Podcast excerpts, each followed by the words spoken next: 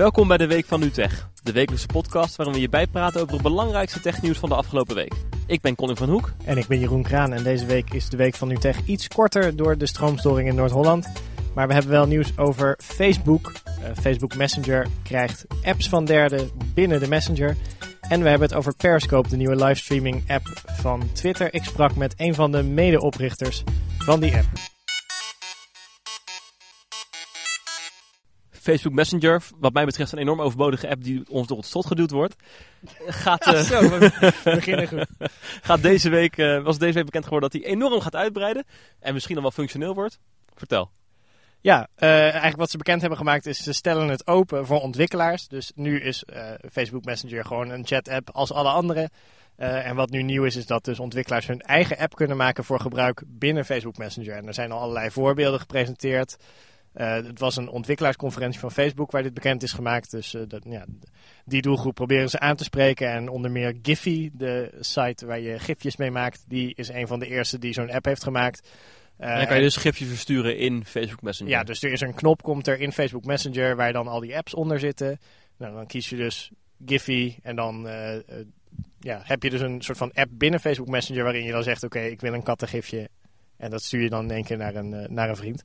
Oké, laat ik even duidelijk maken dat uh, mijn uh, opmerking hier juist aan het begin van het gesprek waar dit vandaan komt.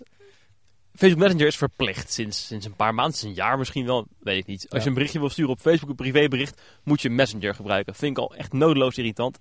Daarbij heeft Facebook natuurlijk WhatsApp gekocht. Er zijn nu eigenlijk twee berichten-apps. Ja. Zie, dit is dus blijkbaar duidelijke manier om te gaan onderscheiden.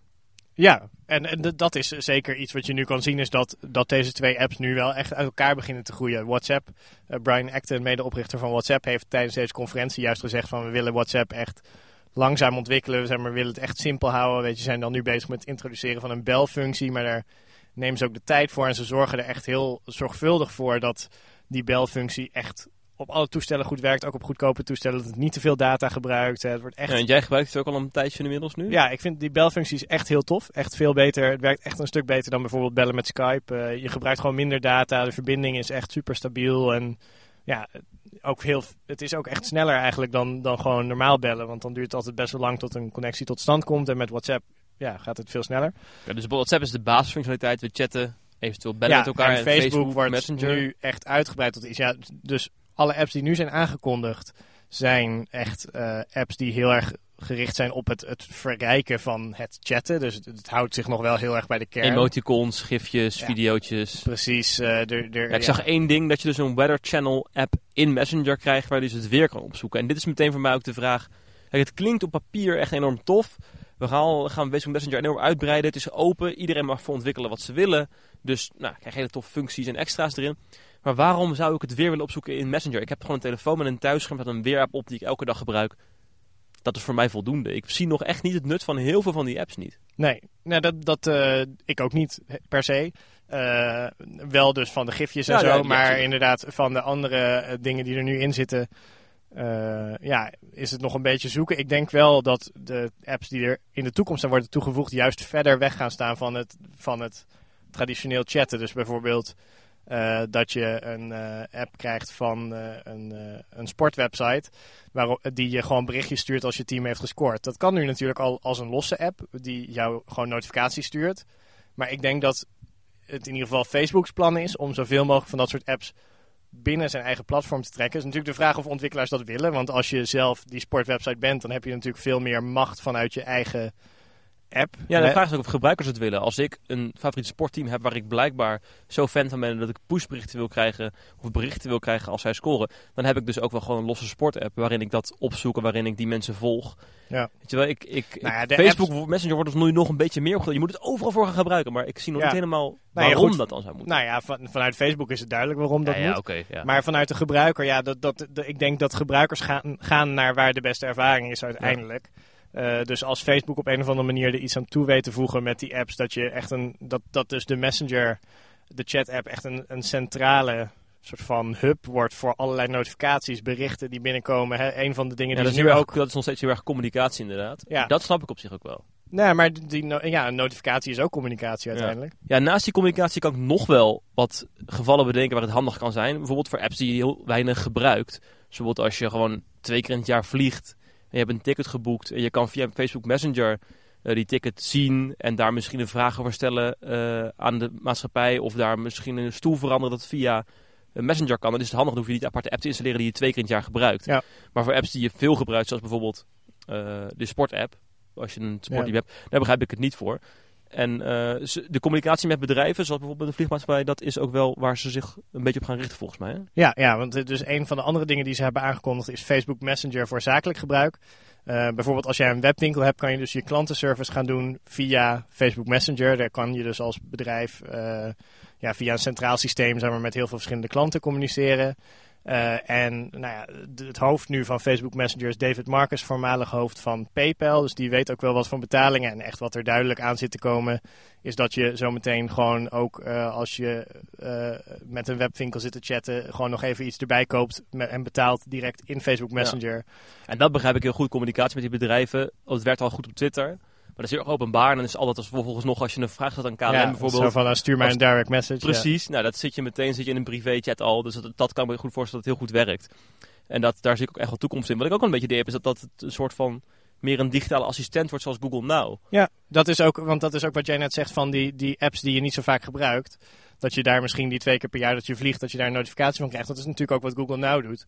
Met Google Now, als die ziet in je Gmail dat je een ticket hebt, dan hoef je niet meer die app te hebben van die, uh, van die luchtvaartmaatschappij. Maar dan krijg je gewoon de dag van tevoren of de ochtend dat je gaat vliegen, krijg je gewoon een notificatie in Google Now van oh, hier is je instapkaart. En dat, dat zou ook in Facebook Messenger komen. Dat is een beetje wat deze strijd is, denk ik, om voor die bedrijven om zoveel mogelijk van al dat soort functionaliteiten en die, ja, of dat nou is in de vorm van apps binnen een app of in de vorm van die kaarten die Google Now heeft, om dat allemaal in het eigen platform te krijgen, zodat dus de Googles en de Facebooks uiteindelijk de controle houden over het geheel. Ja, zag je nog wel iets interessants net? Apps binnen apps. Want dat vindt Apple bijvoorbeeld helemaal niet zo tof. Dat jij zelf apps gaat aanbieden binnen jouw eigen app. Ja, dat is nog wel interessant. Want er is inderdaad in de App Store echt een officieel beleid dat je niet apps mag aanbieden die weer apps aanbieden. Nee, uh, want Apple wil gewoon dat je alle apps downloadt uit de App Store. Punt. Ja, ja punt. En de, er zijn in het verleden ook best wel vaak uh, ja, apps geweigerd op basis van die regel die, niet, die lang niet zo ver ging als Facebook in, in, in dit, in het aanbieden van apps. Maar ja, Facebook is zo groot dat ik niet echt kan geloven dat ze hier als cowboys dit gewoon gaan doen zonder dat Apple ervan weet. Nee, maar dat betekent een soort uitzondering. Maar ik zit me ook af te vragen, het is misschien niet echt een eigen appwinkel van Facebook. Ze gebruiken natuurlijk gewoon een soort van koppeling met de App Store. En misschien dat het daarom dan wel mag. Dat het alsnog gereguleerd wordt door Apple. Ja, nee, dat we zij moeten ook, misschien ik bedoel, we moeten ook niet gaan doen alsof Facebook hier nu het wiel heeft uitgevonden. Er zijn allerlei Aziatische chat-apps die Ja. dit al doen. Die zijn ook gewoon voor iOS beschikbaar. Eh, Line eh, is WeChat. Japans, WeChat, Chinees. Nou ja, de- al die apps hebben ook dit ook een ding wat we nog niet hebben genoemd. Waar al die Aziatische chat-apps heel erg groot mee zijn, is gaming. Dus Ja. je downloadt ga- games binnen de Messenger en dan speel je vervolgens tegen de vrienden waarmee je chat. Eh, ja, ook een manier dus om zoveel mogelijk mensen binnen die chat-app te houden. Ja, en toch wel de vraag hierna is voor mij... Oké, wat dan met WhatsApp? Want dit Facebook Messenger wordt ineens enorm opgericht. WhatsApp ontwikkelt nauwelijks. Het is nu nou, zo'n anderhalf jaar bijna, nou niet echt, een jaar en, en drie maanden in de handen van Facebook. En de ontwikkeling gaat langzaam. Facebook Messenger krijgt allemaal extra functies. En WhatsApp dan? Ja, er was dus op die ontwikkelaarsconferentie ook een, eh, een sessie waar eh, de eh, leiding van Messenger en WhatsApp bij elkaar zat. En, en sprak voor een publiek. En ja, daar hebben ze er eigenlijk een beetje gewoon omheen geluld. Ja. ja, ze, ze zeggen van we ontwikkelen het allemaal apart. We zetten in op onze eigen, eigen dingen. WhatsApp is er dus heel sterk in gewoon dat het een super lichte app is. WhatsApp is heel groot, ook in opkomende landen. ehm, waar mensen lopen met telefoons die 50 euro kosten. En die, hè, WhatsApp werkt ook gewoon eh, op nog allerlei gekke besturingssystemen die wij hier helemaal niet gebruiken. Maar die daar nog wel voorkomen. Wat, ja, zij, zij zijn heel sterk daarin om echt op alle apparaten Ja. te werken en ook tussen alle apparaten. En ik denk dat dat misschien wel de bedoeling is van Facebook om WhatsApp, zeg maar, de basis messenger te laten zijn. Maar dat ze eigenlijk liever willen dat wij hier in Nederland of in de VS of wherever op Facebook Messenger overgaan. Wil het, wil natuurlijk absoluut niet. Maar het zou veel Nee. logischer zijn als Facebook gewoon zou zeggen... WhatsApp wordt Messenger Lite. Ja. En dan heb je meteen mensen binnen je hele systeem. Want WhatsApp is nu toch nog steeds heel erg een losstaande app. Mensen weten misschien wel dat het van Facebook is, maar het interesseert ze geen Ja. reet. Nee, maar het, het probleem van Facebook's kant gezien is ook gewoon... Ja, mensen willen dat absoluut niet. Nee. Als, als, stel als zij morgen zouden roepen, oké jongens, Facebook Messenger eh, wordt de nieuwe WhatsApp. Iedereen van WhatsApp wordt automatisch overgezet, dan barst de hel los. Dan gaat, dan, ik bedoel, het was al toen het werd overgenomen, WhatsApp. Ondanks dat ze zeiden meteen, het blijft zelfstandig, we gaan het niet integreren. Toen was er al ontzettend veel ophef over dat Facebook controle zou krijgen over die WhatsApp-gegevens, al dat soort dingen. Ja, ja, die integratie is nu niet realistisch, maar ik denk wel uiteindelijk dat het is wat Facebook zou willen. Ja, maar voor nu is het in ieder geval zo. Facebook Messenger wordt enorm uitgebreid en er komen heel veel extra functies in die je als hardcore gebruiker kan, kan gaan gebruiken. En WhatsApp blijft voorlopig nog zo simpel als het is. Facebook was deze week niet het enige sociale netwerk met groot nieuws, want Twitter lanceerde dus zijn eigen livestreaming-app Periscope, nadat de maker van de app al voor de lancering werd overgenomen. Naar verluid betaalde Twitter maar liefst 100 miljoen dollar voor de app, die dus toen nog niet eens was verschenen. Een paar weken geleden werd de app Meerkat ineens populair, waarmee direct livestreams konden worden gestart en worden verspreid op Twitter. Periscope is grotendeels hetzelfde, al lijkt de iPhone-app wel een stuk beter afgewerkt. Geen wonder, want medeoprichter Kevon Beek-Poer vertelt dat hij al ruim een jaar werkt aan dit idee. we were fascinated by the idea of letting letting you explore the world as it's happening right now. And I think we actually started without even live video. We started with with photos, um, and we just realized that photos aren't the the best medium to express what's happening right now. Ja, ik zeg er maar even bij, toen ik belde met Beek-Poer zat hij in het kantoor van Periscope in San Francisco. En het was meteen duidelijk dat die dienst flink aan het uitbreiden is, want op de achtergrond hoor je allerlei geluiden van bouwwerkzaamheden, rinkelende telefoons. En halverwege ons gesprek viel de verbinding zelfs helemaal weg, omdat de werkluidenkabel van het internet eruit hadden getrokken.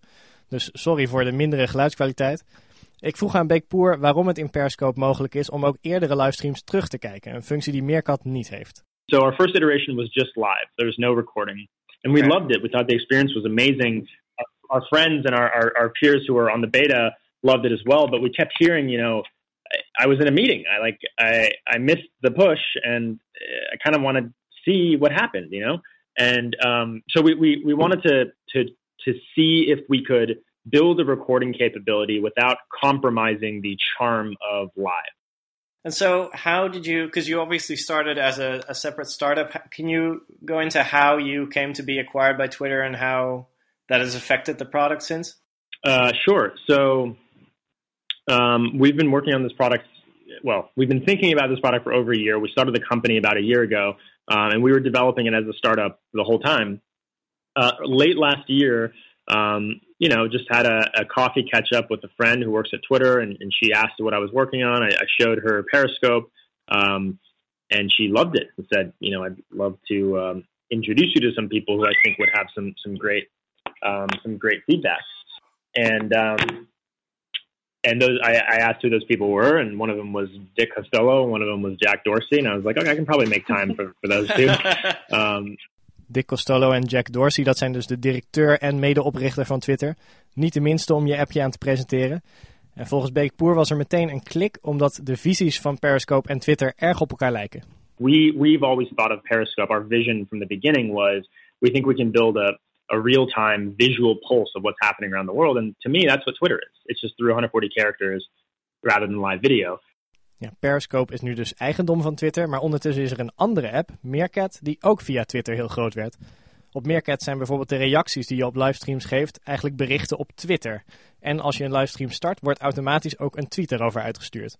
Ik vroeg aan Beckpoor of hij het niet raar vindt dat de app van Twitter eigenlijk minder lijkt te vertrouwen op Twitter dan Meerkat.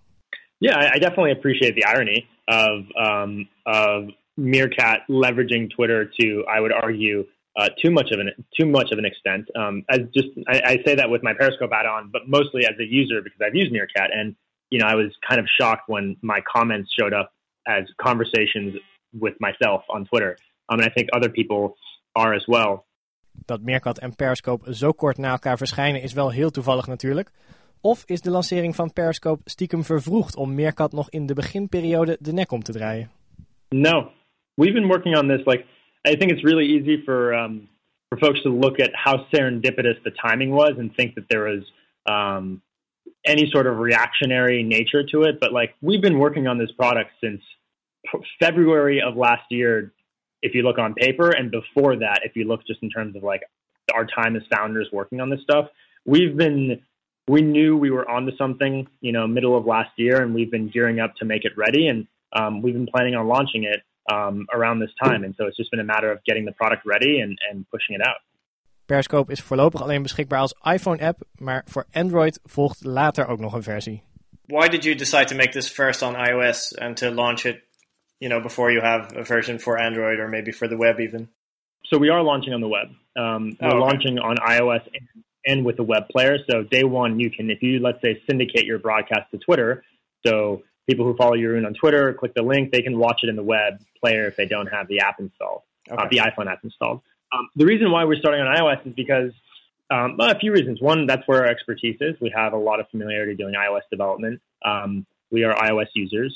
Um, we realize that there's a big world out there with a lot of people with, with Android, um, which is why we're building Android. But you have to you have to start someplace, and we care enough about product development and doing it right that it's just easier to focus your efforts on building the right experience on one platform rather than figuring out what the product wants to be and building it in two different places, right? Like we, the hardest part of Periscope um, was figuring out what the product experience should be like. Um, we now have a good idea of what that should look like, at least for a version one iteration. And so it's, it makes a lot more sense for us to now hit, hit the pavement running, um, you know, building that on Android um, because we know what we're building. Voor Android-gebruikers is het nog even wachten dus. Mocht je een iPhone hebben en al op Periscope zitten, vergeet dan niet om Nutech ook even te volgen. Onze gebruikersnaam is NutechNL, net als op Twitter. Dat was het weer voor deze kortere week van Nutech. We horen natuurlijk graag wat je ervan vond. Mail ons op podcast.nutech.nl en volg ons dus op Twitter, Periscope en allerlei andere diensten. Zoek op Nutech. Wij zijn er volgende week weer.